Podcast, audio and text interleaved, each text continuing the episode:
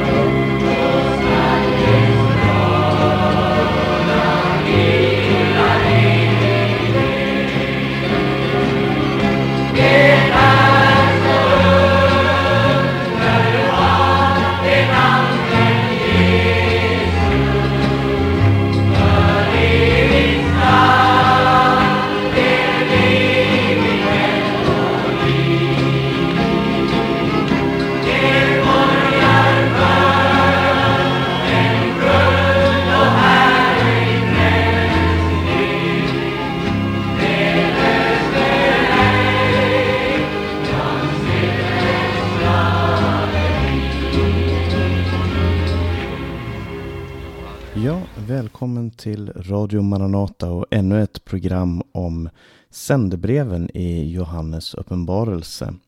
Eh, vanligtvis så är det jag, Paulus Eliasson, tillsammans med Hans Lindelöv och Berno Vidén som håller i de här programmen. Vi har haft flera program hittills. Eh, vi ska ha sju stycken i allt eftersom det är sju sändebrev. Eh, och vi har också spelat in ett program Eh, Eh, där vi talade om Sardes och så visade det sig att vi har lite tekniska, haft lite tekniska problem. Eh, Berno är på en plats, Hans på en annan plats och jag på en tredje plats. Så vi använder internet och lite olika tekniska lösningar för att eh, få till det här. Och så hade vi några tekniska problem när vi spelade in och därför så är de första 20 minuterna av det som vi talade om då borta. Dessvärre. Den går inte att använda. Och eh, därför så kommer jag, Paulus, att ha de första 20 minuterna av det här programmet eh, där jag talar om eh, sändebrevet till Sardes ifrån Uppenbarelseboken 3. Eh, och sen efter 20 minuter så lyssnar vi på en sång och sen så kommer resten av programmet tillsammans med både Hans och eh, Berno. Det är lite annorlunda men vi hoppas att det ska gå bra i alla fall. Och som sagt, vi ska läsa sändebrevet till Sardes. Det finner du i Johannes uppenbarelse kapitel 3 eh, och från den första versen där. Och jag ska läsa texten först och så säga någonting om vad det handlar om. Så här står det. Och skriv till ängeln för församlingen i Sardes. Så säger han som har Guds sju andar och de sju stjärnorna. Jag känner dina gärningar. Du har namn om dig att du lever, men du är död. Vakna upp och stärk det som är kvar och som var nära att dö. För jag har inte funnit dina gärningar fullkomliga inför min Gud. Kom därför ihåg vad du har tagit emot och hört, håll fast vid det och vänd om. Om du inte håller dig vaken ska jag, komma, ska jag komma som en tjuv och du ska inte veta vilken stund jag kommer över dig. Men du har några få i Sardes som inte har smutsat ner sina kläder och de ska vandra med mig i vita kläder, för de är värdiga. Den som segrar ska alltså bli klädd i vita kläder och jag ska aldrig stryka hans namn ur livets bok utan kännas vid hans namn inför min far och hans änglar. Du som har öron, hör vad anden säger till församlingarna. Det är sändebrevet till Sardes, ett av de sju. Eh, eh, en av de sju församlingarna som fick ta emot eh, personligt brev där Johannes förmedlar det som han tog emot som en uppenbarelse ifrån Jesus själv. Så det här är ett budskap där Jesus talar i jag-person och eh, församlingen och församlingens ängel som det står här, det syftar antagligen på en föreståndare eller en representant för församlingen eller på hela församlingen. Ehm, Skriv till församlingens, ängeln för församlingen i Sardes. Och vad var då Sardes för en stad? Sardes var en eh, välstående stad.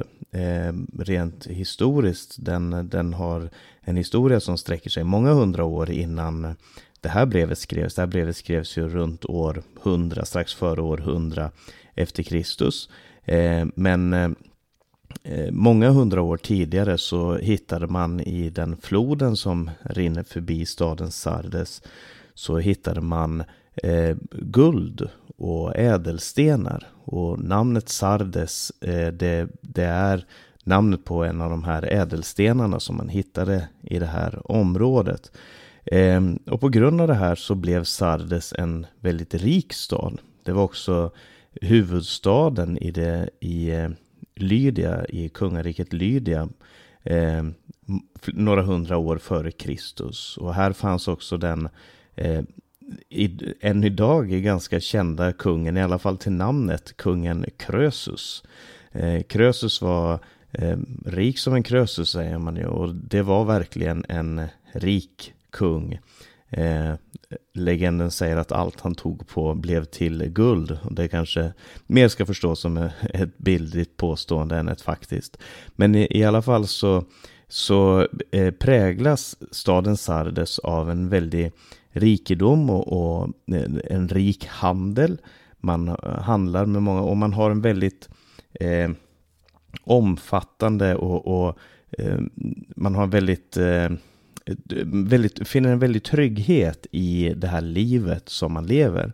Eh, sta, problemen var det, eller eh, saken var den att staden hade också en akropolis. En akropolis är en befäst del av staden som ligger högt uppe. Och där kunde man bland annat ha sina tempel, sina eh, ja, speciella byggnader och sånt. Men där kunde man också ta sin tillflykt eh, från platserna runt omkring när det kom eh, fiender. Och den här akropolisen som, som fanns där, den var så välbefäst och så trygg och säker att ingen kunde komma upp dit utan att gå huvudvägen upp. Och den var så väl bevakad och så lätt att försvara att man, man räknade det inte som ett eh, problem.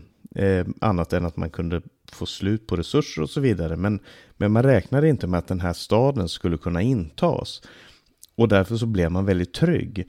Eh, och två gånger gjorde man det felet att man inte eh, eh, bevakade staden och därför så fienderna hittade små vägar och sätt som man kunde komma in i Sardes på eh, där det inte var bevakat. Och det gjorde att staden blev intagen i alla fall. Och den här historien eh, som naturligtvis var känd för alla som bodde i Sardes eh, om vad som hade hänt några hundra år innan när staden blev intagen. Eh, den sätter sin prägel kan man också se i det här sändebrevet. Därför att det finns ett, ett hot som, som församlingen inte är medveten om. De, är, eh, eh, de tror att de är trygga, de tror att allting fungerar och att allting är bra. Men det finns ett underliggande problem i den här situationen. Eh, så, och Sardes var också en stad som eh, på grund av sin stora rikedom hade väldigt stora tempel. Eh, deras eh, skyddsgud var Artemis eller Diana som hon också, hon också är känd som. Eh, och, och, det var ett av de största templen i den grekiska världen var templet till eh, Artemis i Sardes.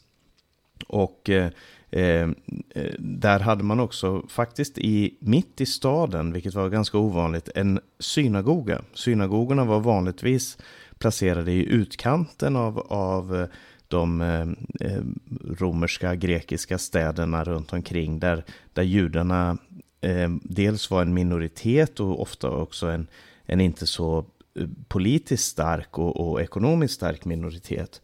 Därför så blev man hänvisade till utkanten av staden. I Filippi till exempel, om vi läser i Apostlärningarna, så står det att där fanns det bara en, en böneplats nere vid floden utanför staden, där man samlades.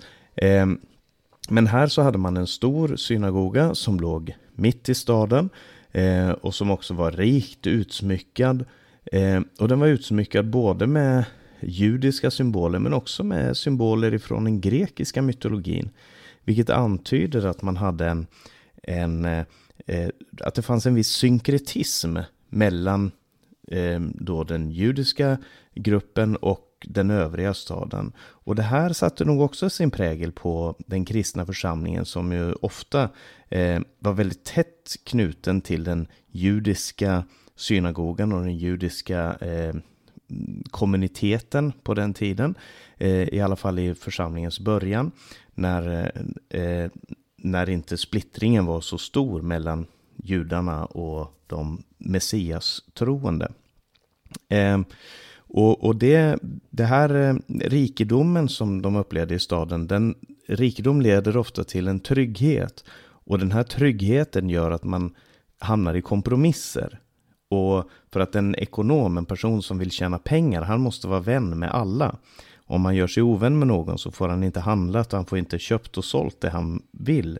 Eh, och det verkar som att någonting av den mekanismen har varit, har eh, eh, påverkat församlingen i Sardes. Vad står det då om den här Sardes? Låt oss ta det vers för vers. Och jag ska bara ta de första två verserna och sen ska vi lämna över ordet till eh, Hans, Bern och, och mig själv då, eh, för att ta tag i de sista verserna. Men den första versen säger, så säger han som har Guds sju andar och de sju stjärnorna. Och det här är symbolik som är hämtat från Uppenbarelsebokens första kapitel, som i sin tur hämtade både från Gamla Testamentet och, och Jesu förkunnelse och mycket annat. Men Guds sju andar, det är en symboliskt för den heliga ande, för eh, den tredje personen i gudomen. Eh, det är alltså Jesus säger, det är jag som sänder min ande. Det är jag som är den som ger liv. Jag är den som ger liv till församlingen. Eh, och som också har de sju stjärnorna. Och om vi hade läst det första kapitlet så hade vi sett att de sju stjärnorna eh, representerar församlingens sju ledare, de här sju församlingarnas ledare. Eh, så det han säger i realiteten är det är jag som har kontrollen över den livgivande ande, den enda som ger liv. Det är jag som har kontrollen över mina församlingar. Det är jag som bestämmer, det är jag som definierar vad som är församling. För att antagligen så hade församlingen här brustit någonstans i sin lojalitet och förståelse av vem Jesus själv var och vilken roll han hade, hans budskap hade i församlingen. Man hade valt att gå andra vägar. Och så säger han så här i vers 2. Vakna upp. Nej, förlåt mig. Först, slutet av vers 1 säger, säger Jesus så här. Du har namn om dig att du lever, men du är död. Du har namn om dig att du lever, men du är död. Alltså du har namn om dig betyder alltså du, du är känd som detta i, i världen. Människor runt omkring dig som ser på dig, de skulle absolut säga att du lever. Du, du, det här finns det så mycket som händer, så mycket funktion, så mycket eh, levande saker i, i den här församlingen. Men man hade förlorat någonting och det man hade förlorat gjorde att Gud själv säger du är död. Eh, Jesus säger du är död. Från hans, eh, från hans synvinkel så var det väldigt, väldigt lite faktiskt liv i den här församlingen. Eh, och, och det här med frågan om liv och död är ju någonting som är väldigt eh, eh framstående i Bibeln och i Jesu förkunnelse. Frågan om liv och död. Det står till exempel i Efesebrevet kapitel 2, vers, er, eh, vers 1. Också er har Gud gjort levande, ni som var döda genom era överträdelser och synder. Det, Jesus talar om den eh, den förlorade sonen och, och, säger att han har fått liv igen, säger han när han kommer tillbaka till fadern. Eh, Efesierbrevet 2 säger att även när vi var döda genom våra överträdelser har han gjort oss levande med Kristus. Eh, så det här, eh, på det här sättet så används eh, liv och död som det vi upplever när vi kommer till Jesus. Eh, i, men i Jakob kapitel 2 så talar han om levande och död tro. Och han säger liksom kroppen utan ande är död, så är tron utan gärningar död. Eh, det finns alltså någonting som kan göra att församlingen dör invärtes. I första Timoteus kapitel 5 och vers 6 står det Den som lever för lyx är levande död. Det finns alltså en, en eh, ett sätt som församlingen och, och den kristne kan förlora sitt liv. Dels genom livlösa gärningar, som, och, och, en, eller en livlös tro, som Jakob talar om. Dels om eh, lyx och pengar, som Paulus talar om i, i första Timoteus. I Judas så talas det också, Judas brev så talas det om de människor som, som lever bara för dagen, som lever bara för sina lustar och säger att de är dubbelt döda, uppryckta med rötterna. Eh, och precis vad det är som syftas här i det här brevet på, vad var det som gjorde att de trodde att de levde men var döda, det, det är inte helt säkert, men, men det finns saker och ting i den här texten som, som antyder, och vi ska se vidare här, för att det står så här i vers 2. Vakna upp och stärk det som är kvar och som var, nä var nära att dö. För jag har inte funnit dina gärningar fullkomliga inför min Gud. Vakna upp, det är Jesu väckelsesignal och det är en vanlig metafor som, som används många gånger i, i, i av Jesus till exempel i, i evangelierna. I Matteus kapitel 25 säger han Håll er därför vakna för ni vet inte vilken dag eller timme han kommer. Eh, samma sak i Matteus 24, var därför vakna för ni vet inte vilken dag er Herre kommer. Eh, den här kallelsen till vaksamhet i församlingen eh, och hos den kristne, den, den är ständigt närvarande för att det finns tydligen saker och ting som vill passivisera församlingen och vill göra att den förlorar sitt eh, unikum. Och jag tror att församlingen behöver en väldigt låg smärttröskel när det gäller det som handlar om vad församlingen är för någonting i den här tiden. Alltså vad menar jag med det? Att eh, det, det församlingen definieras som eh, och som, som gör oss till det vi ska vara, det får inte gå förlorat. Alltså det finns många olika sätt som församlingen kan uttrycka sitt liv på. Det finns många sätt i olika tider, på olika platser med olika behov som församlingen kan uttrycka Kristus. Men det finns ett, ett unikum i församlingen som gör att vi inte kan förväxlas med en förening, med en, med en kulturell organisation, med psykologer eller läkare, med hjälporganisationer eller, eller filosofiskolor eller någonting annat. Församlingen kan inte jämföras med någon av de här Eh, för att församlingen är unik på alla de här områdena när det gäller dens tjänst för fattiga, för främlingar, för änkor, när det gäller dens tjänst i förkunnelsen av evangeliet, när det gäller dens tjänst i, i eh, hur den fungerar tillsammans med varandra och så vidare, så finns det ett unikum i församlingen och när det förloras så faller man in i en andlig sömn. Och kanske var någonting av det som hade hänt i Sardes att man hade börjat kompromissa därför att man trivdes ganska bra. Man tyckte att ja, men det fungerar ju bra i vårt samarbete med andra. Vi har god ekonomi, vi har tillgång till de här plattformarna och så vidare. Och vi kan fungera, vi kan göra en massa saker som gör att människor säger om oss att ja, men de här lever ju, de här fungerar ju som de ska. Men i den processen så hade någonting gått förlorat. Och eh, det, det, det, är självklart inte ett mål i sig själv att man ska eh, presentera, presentera eh, att man ska vara svår, att man ska vara, vara vansklig i alla situationer. Men det finns någonting som är församlingens unikum som vi måste ta vara på. Och så säger Jesus, det som du har hört, håll, eh, tagit emot, kom ihåg vad du har eh, Eh, eh, kom ihåg vad du har tagit emot och hört, håll fast vid det och vänd om. Och den här kallelsen till omvändelse, den kan man se som en, någonting negativt naturligtvis. Och förfärligt att Jesus ska behöva komma och säga att man ska omvända sig. Men samtidigt så finns det ett hopp i det, för att Jesus har inte gett upp. Jesus har inte alls gett upp.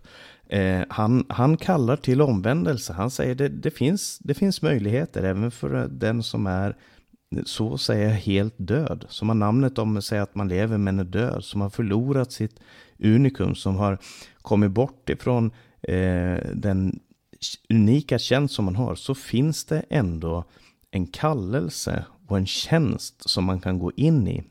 Och det finns en omvändelse för alla de som eh, söker honom. Och det här tror jag att vi kommer till att komma in på en del eh, i de sista, den andra delen av det här programmet. Som sagt, eh, eh, vi ska strax lyssna till en sång och sen så kommer den andra delen av det här programmet och jag ska samtala med eh, Hans och Hans Lindelöf och Berno Vidén också. Som jag nämnde i inledningen av programmet här och då ska vi komma in på den här som det står om i kapitel 3. Men för nu så vill jag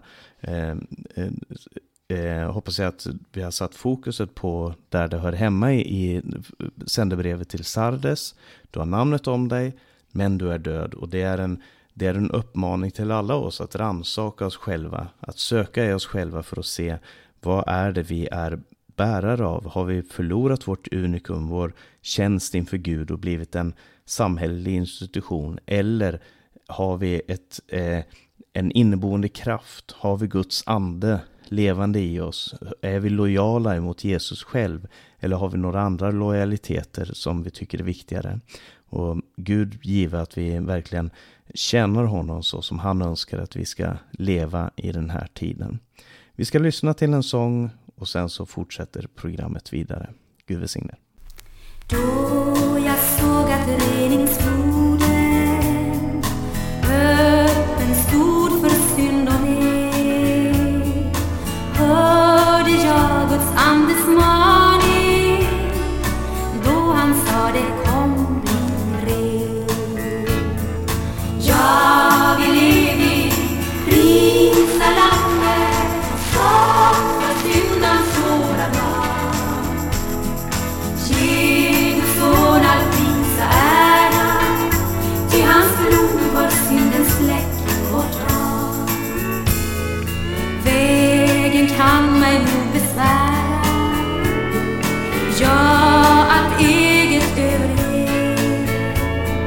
Mina planer, drömmar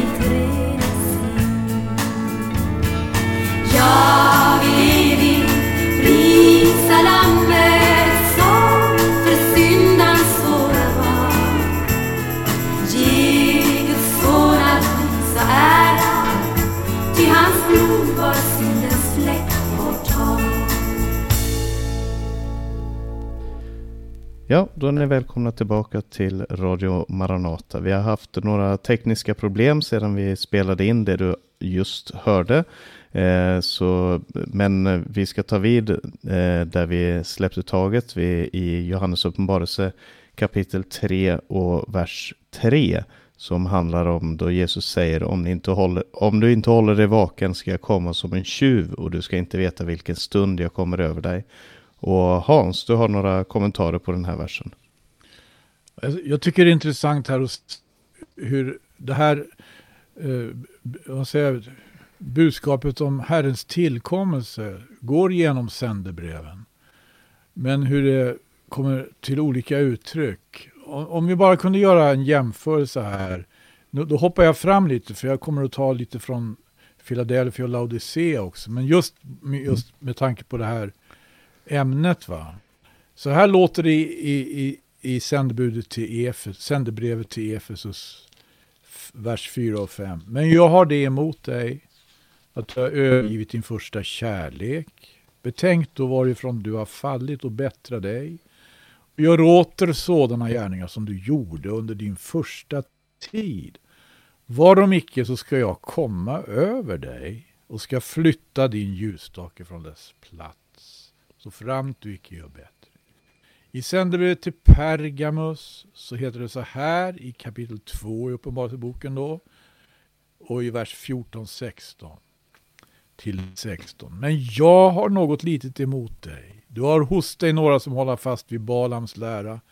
Han som lärde Balak hur han skulle lägga en stötesten för Israels barn så att de skulle äta kött från avgudaoffer och bedriva otukt. Så har också du några som på lika sätt håller sig till Nikolaiternas lära. Jag tar med sammanhanget bara.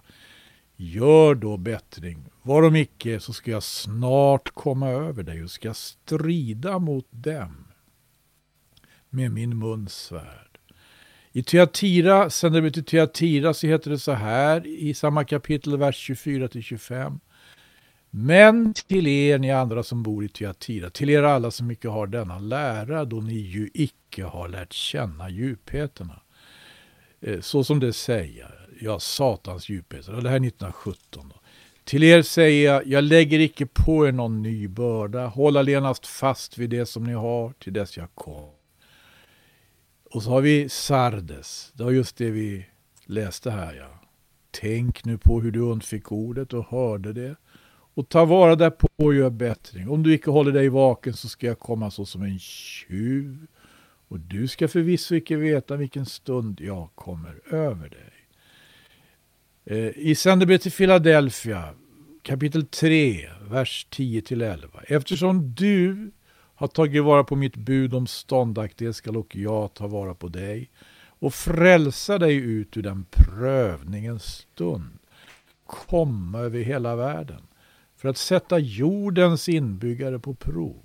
Jag kommer snart, håll fast det du har så att ingen tager din krona. Och i sändebud till Laodicea, kapitel 3 också och vers 20. Se, jag står för dörren och klappar. Om någon lyssnar till min röst och upplåter dörren så ska jag gå in till honom och hålla måltid med honom och han med mig. Nu kanske du undrar, handlar det här om Herrens tillkommelse? Ja, men när jag tittar på de här tillfällena då eh, det står om Herrens tillkommelse så är det faktiskt egentligen bara vid ett tillfälle som det handlar om den stora universella tillkommelsen. För i de andra sammanhangen så, så gäller det lokalt. Det, det som sägs till Philadelphia, det kan vi väl eh, säga, det, det gäller det så att säga universellt. Eh, hallå, Ja, ni hör? vi hör dig. Det, därför det talas om eh, hela världen här. Och sätta jordens inbyggare på prov. Medan det eh, till Efesus ganska klart handlar om någonting som ska ske lokalt. Jag ska komma över dig och flytta din ljusstake från dess plats. I Pergamus likaså. Va? jag ska komma över dig och strida mot dem med min mun. Så det är mycket bestämt lokalt här betingat. Tyatira, eh, så ja, lite mer kanske sådär generellt. Jag lägger icke på er någon ny börda, håll allenast fast vid det som ni har till dess jag kommer. Philadelphia, hela världen, jordens inbyggare ska sättas på prov. Laodicea, jag står för dörren. Samma uttryck finner vi i Jakobs brev i kapitel 5, vers 9. Sucka icke mot varandra mina bröder, på det att ni icke må bli dömda. Se, domaren står för dörren. Dels det här att det liksom gäller lokalt. I, i, inte alla gånger universellt. Det är naturligtvis också universellt då. Det är eh, mycket det understryks ju i sändebrevet till Philadelphia. Men också de här olika tonfallen. Alltså, för att i vissa fall, helt klart, så är ju det ett hot att han ska komma. Medan det i andra fall inte är det. Jag tycker det är ganska jämnt fördelat. Det är ett tröstens ord i tre av exemplen. Ja, vi har sex exempel här då med Sardes. Och det är faktiskt eh, eh, ett hot i tre exempel. Jag tycker det är intressant att se det här. Eh, det, det, handlar ju om att alltså, eh, Gud har så pass mycket eh, den lokala församlingen och situationen på lokal ort på sitt hjärta och i sina tankar. Att det, det, det, liksom, det finns en tillkommelse. Eh, hur den liksom förverkligas, eh, det, det kan man ju fundera på. Men det är helt klart att det som gäller när han talar om att han kommer till Efesus, då gäller det Efesus. Och i, i, i, inte, inte, inte i vidare mening. Jag vill bara titta, bara ja, helt kort säga någonting om det. Det kanske finns synpunkter på det här, kanske invändningar. Jag, jag tycker det är intressant det där för att eh, eh, det verkar som att det är två saker som går hand i hand. Dels det här att Jesus ständigt är i sin församling och ständigt är, är verksam och, och önskar att möta sitt folk. Och som det här med Efesus, där han säger jag ska plötsligt komma över dig. Det, det talas om att jag ska komma och strida emot dem i Tyatira och så vidare. Eh, och och det, det, finns den här eh, att Jesus eh, har, att vi kan eh, få uppleva Jesu närvaro både till dom, tukt, förmaning och till tröst och uppmuntran.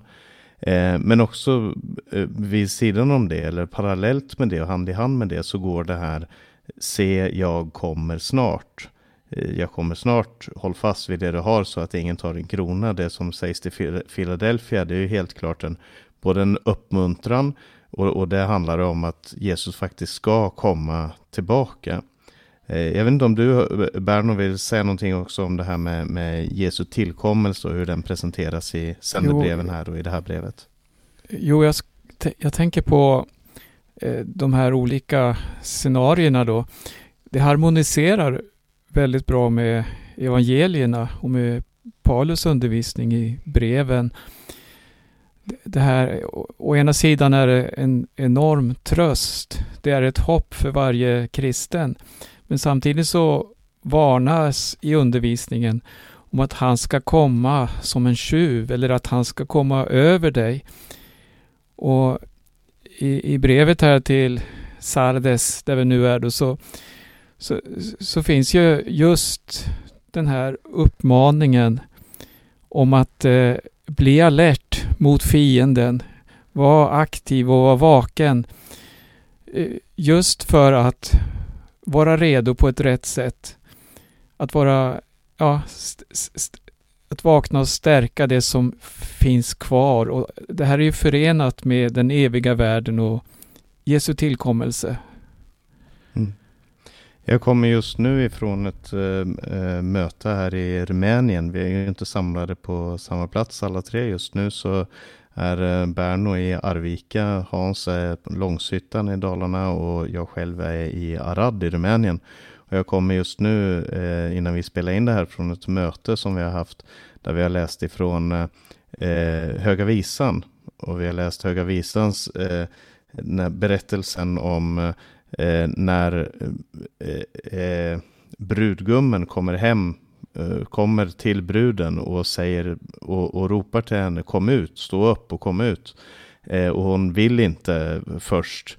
Eh, och hon blir eh, hon, hon vill inte ha det här mötet med honom men sen så får hon uppleva den här kärleken från, från brudgummen och då går hon ut och för, för att möta honom och det handlar om den här kampen eh, som hon får uppleva då i, i den situationen. Och jag tycker det är intressant att se att det här är ett genomgående tema genom hela skriften, att, att Jesus önskar gemenskap, att han önskar gemenskap med sin församling, antingen för tukt och förmaning och, och tillrättavisning och för att leda rätt. Och ta, kanske till och med i värsta fall, eh, som det står här, jag ska komma och strida emot dem med, med med min munsvärd och så vidare. Det, det, är nästan krigiska bilder. Men samtidigt att det som ligger till grund är Guds önskan att, att församlingen ska komma in i en djupare gemenskap med honom. Jag ska komma över dig som en tjuv och det, det låter ju verkligen eh, hot, på ett sätt hotfullt. Liksom. Ska han komma och stjäla? Ska han komma och förstöra någonting? Eh, och du ska inte veta vilken stund jag kommer över dig.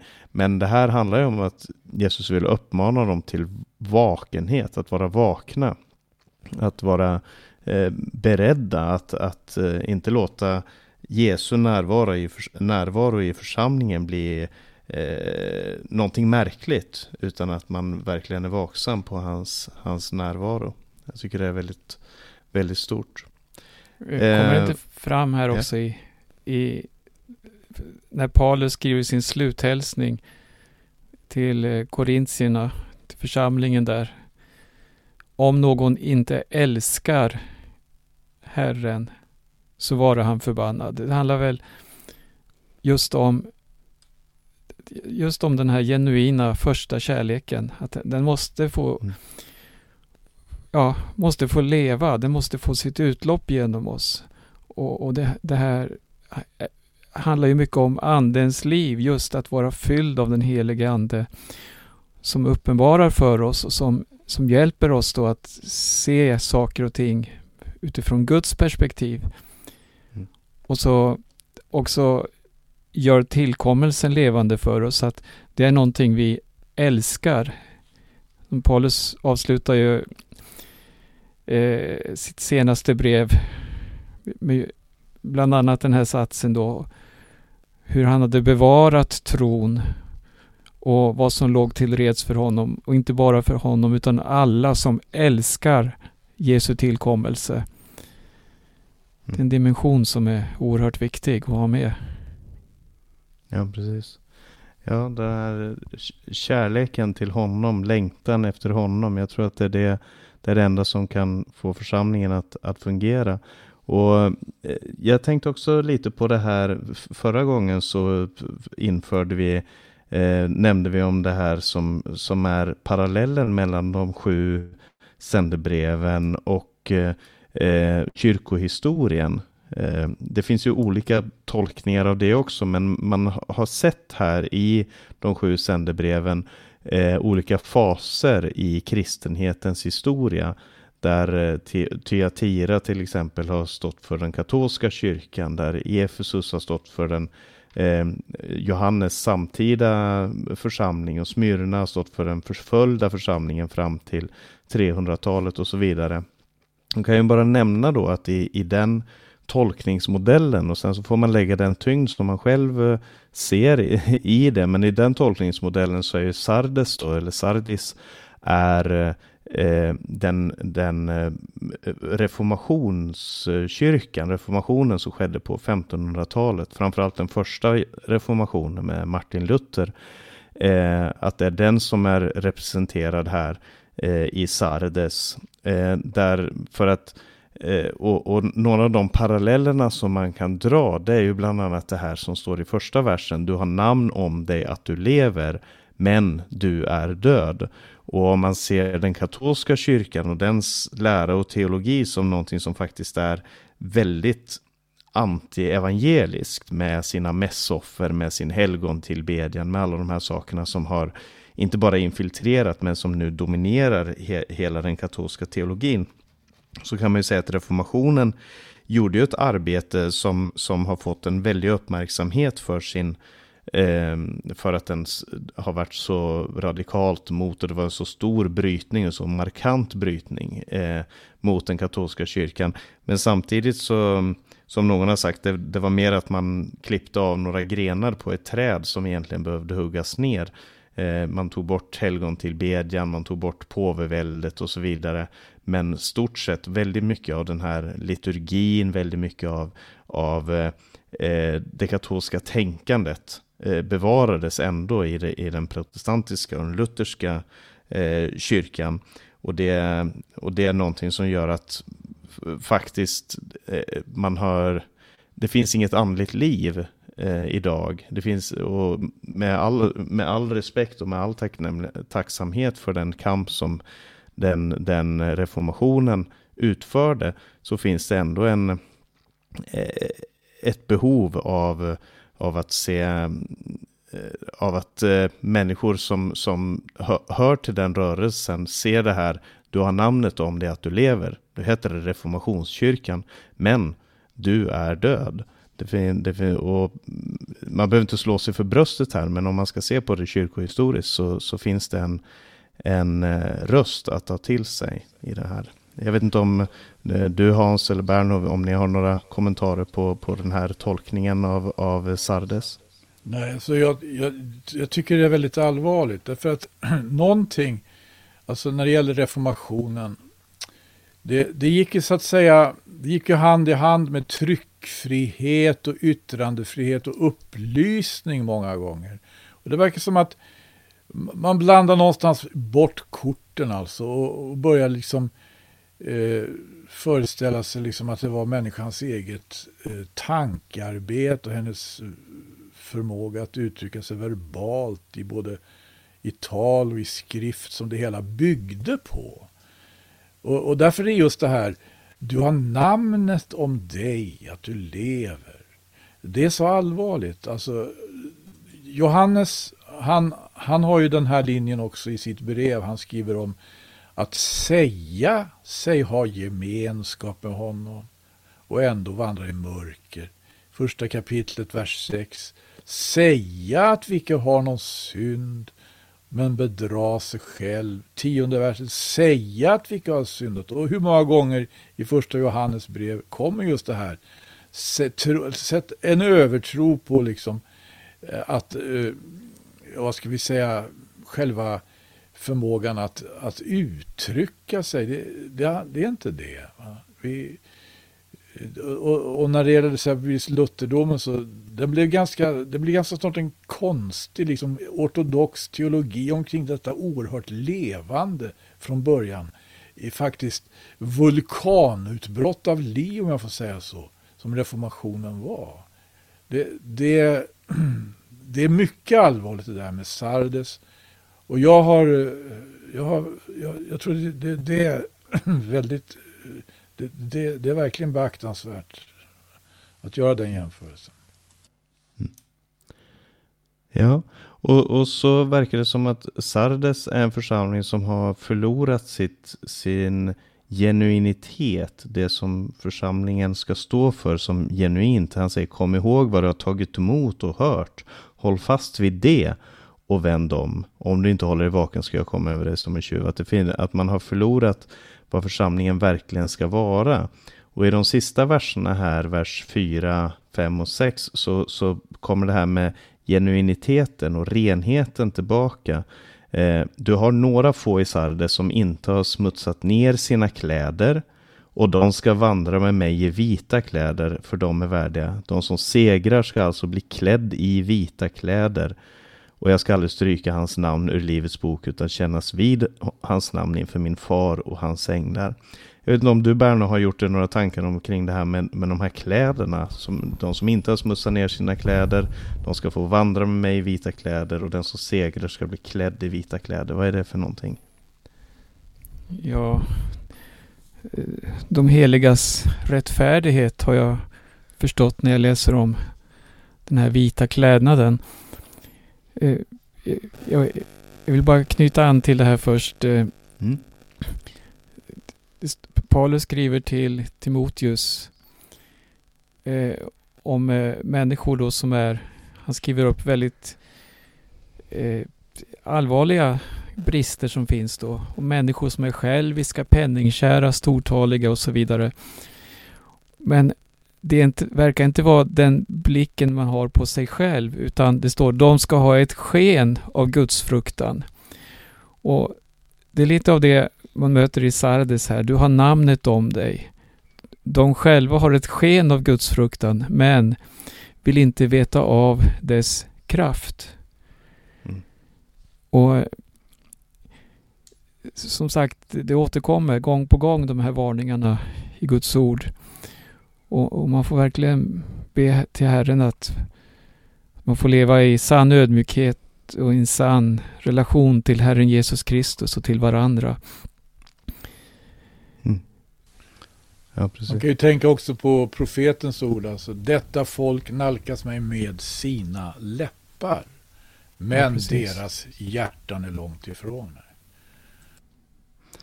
Ja, det behövs verkligen en, en genuinitet i, i den kristna tron och den, och den uppmanar Jesus församlingen här att, att söka sig tillbaka till. Det berättas om, om, jag vet inte om jag nämnde det här tidigare, men det berättas om synagogan som var i Sardes. Den judiska synagogan. Där hade man, den, den är grävd ut och det är en av de största, om inte den största synagogan i, eh, utanför Israel på, på den tiden. Eh, och det sägs om den att den var eh, otroligt stor, men den var också väldigt, eh, för att synagogor eh, hade man aldrig några bilder i. Det var aldrig några eh, bilder av djur eller människor eller så, för att eh, judarna gjorde inte avbilder av, av eh, människor av respekt för, för det första och andra budordet. Eh, men i just den här synagogan så var den rikt utsmyckat med också hedniska symboler. Eh, och det var ju naturligtvis den judiska eh, församlingen då i, i eh, eh Sardes. Men vi vet att det var nära band mellan, mellan de messias-troende judar och hedningarna och de eh, och judarna som var där. Och, och därför så är det nära till hans och så tänk, också att tänka sig att just det här du har namnet om det att du lever men du är död. Tänk på vad du har tagit emot och hört. Håll fast vid det och vänd om. Att det, att det finns en... Man hade en slags eh, eh, synkretistisk hållning. Mycket som, får man säga om man ska knyta an till den lutherska kyrkan och, och det här som jag nämnde tidigare, som den lutherska kyrkan har idag, då man ser sig själv mer som en, en tjänande institution för samhället istället för en, en eh, proteströrelse och, ett, och en unik rörelse. Och, och, där får man ju se på sitt eget liv också om man är mer beredd att gå i, i eh, för, och bli försonad med den här världen och vara den här världens vän än att vara Guds vän. Och så tänker jag på, du nämnde här om, om de vita kläderna, de heligas rättfärdighet. Jag tänker också på det som står i, i kapitel 1 om att eh, Människosonen som Johannes får se där, att han går runt i vita kläder. Eh, och, och eh, han beskrivs som en präst. Och de här prästerna gick ju med vita de hade ju vita kläder, översteprästen hade lite andra saker i sina kläder, men i grund så handlade det om, om en vit klädnad. Och prästen hade ju liksom, han var ju dedikerad för sin tjänst inför Gud. Och det verkar för mig som att församlingen i, i Sardes har förlorat den här dedikationen, den här helhjärtade in, eh, överlåtenheten till Kristus. Och så har man dött i den processen. Men så säger han att de som de som inte har smutsat ner på sig på det här sättet, alltså de som inte har blandat sig med, med de här andra elementen, de ska få vandra tillsammans med mig i vita kläder, för de är värdiga. Den som segrar ska bli klädd i vita kläder, alltså de ska göra prästtjänst tillsammans med Jesus, dedikerade för tjänsten inför honom. Och det, jag, jag tycker det är en, en, stor tanke här. Men eh, Hans, har du några tankar om de sista verserna här innan vi avslutar vårt program. Ja, har vi läst de sista verserna riktigt? Du, du har citerat liksom lite... Jag, jag, kan, jag, kan läsa, jag kan läsa igenom dem innan vi... Ja. Innan, men du har några få i Sardes som inte har smutsat ner sina kläder och de ska få vandra med mig i vita kläder för de är värdiga. Den som segrar ska alltså bli klädd i vita kläder och jag ska aldrig stryka hans namn ur livets bok och kännas vid hans namn inför min far och hans änglar. Du som har öron, hör vad anden säger till församlingarna. Ja, det, att han säger kännas vid eh, hans namn inför min fader och inför hans änglar. Jag tänker ju då på vad han säger i Matteus evangelium, det var 16 kapitlet och det finns ju återgivet även i andra evangelier.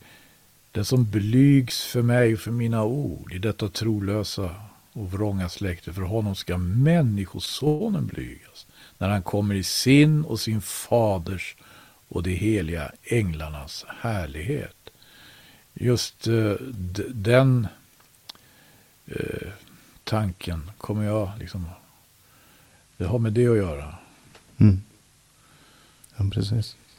Har du några tankar innan vi avslutar här, eh, Berno, om, om de här sista verserna här eller om texten ja. i stora hela? Eh, knyter an igen då till Sardes som menar sig ha namnet, eller de menar sig leva, de hade namnet om sig att leva. Och det som står om vita kläder, just att i det här brevet så, så säger Jesus, eller han fokuserar just på kläderna, den som segrar skall alltså bli klädd i vita kläder. Och då tänker jag på eh, en liknelse som Jesus hade där han eh, talar om en eh, konung som gjorde bröllop åt sin son. Och det var ju många som förkastade inbjudan men till slut så, så, så kom då de inbjudna och det blev bröllop. Men så var det en av dem som var inbjudna som hade kommit in och han var inte klädd i bröllopskläder. Och kungen frågar, men hur har du kommit hit in? Du har ju inte ens bröllopskläder och han kunde inte svara, kan vi läsa. Och han greps och han kastades ut i mörkret. Och just att den här egenrättfärdigheten, den kan aldrig frälsa, den kan aldrig eh, hjälpa oss att nå fram till målet. För en dag ska vi ju möta vår Herre Jesus Kristus på skyn. Och det talas eh, om ett möte och det talas om ett bröllop. Det talas om, om den här konungen. Men hur ska vi syndiga människor kunna möta honom? Det enda sättet är ju genom att bära vita kläder. Alltså att vara rättfärdiggjord i Herren Jesus Kristus. Av nåd är ni frälsta och inte av gärningar för att ingen ska berömma sig. Amen. Mm. Amen. Amen. Jag tror att med de orden så säger vi stort tack. Vi hoppas att det här bibelstudiet har eh, varit till hjälp för dig som har lyssnat. Vi önskar Guds rika välsignelse och vi kommer att fortsätta med att läsa både brevet till Philadelphia och brevet till Laodikea. Gud välsigne er. Jag säger så här innan vi avbryter programmet. Eh, mm. Jag vill passa på att göra ett slag för tidningen Midnattsropet. Nu i dagarna så har den färdigställts, den har skickats in till tryckeriet och det är alltså julnumret för 2021. Och här i programmet så har vi förutom mig själv, då, vi har två skribenter i den här tidningen. Det är både Paulus och Hans som deltar med undervisning. Och det är hämtat ifrån bibeldagar som församlingen har haft vid två tillfällen i eh, Långshyttan, södra Dalarna. Så hör av dig till oss och vi sänder tidningen Minasropet till dig kostnadsfritt. Eh, du kan eh, gå in på maranata.se eller midnattsropet.se och beställa tidningen så skickar vi den. Tack O Jesus kär att löftena de håller, halleluja. Intet kan nu rycka mig ur har gett mig mera än jag här kan fatta. Jag är bunden fast till dig med kärleksband. Vilken nåd så stor som lik att Jesus dig och mig blev lik. Att skyldig han vi fick gå den tunga vägen Han betalat med sitt blod. Han som själv var ren och god.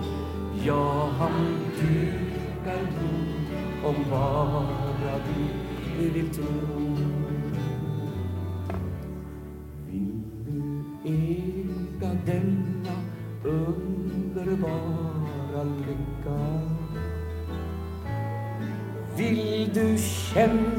Att hans namn är trofasthet?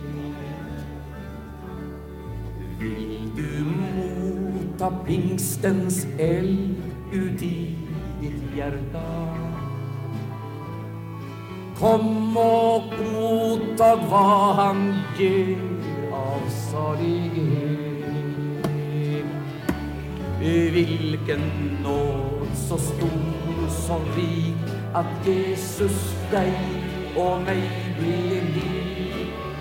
Att då skyldig han fick gå den tunga väg.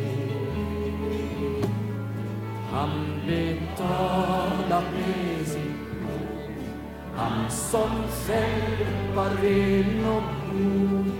Ja, han dukar bort om bara du vill tro. Säg, vill du motta denna underbara gåva? Vill du känna att hans namn är trofasthet? Vill du känna pingstens eld ut i ditt hjärta? Så kom och låta vad han ger av salighet.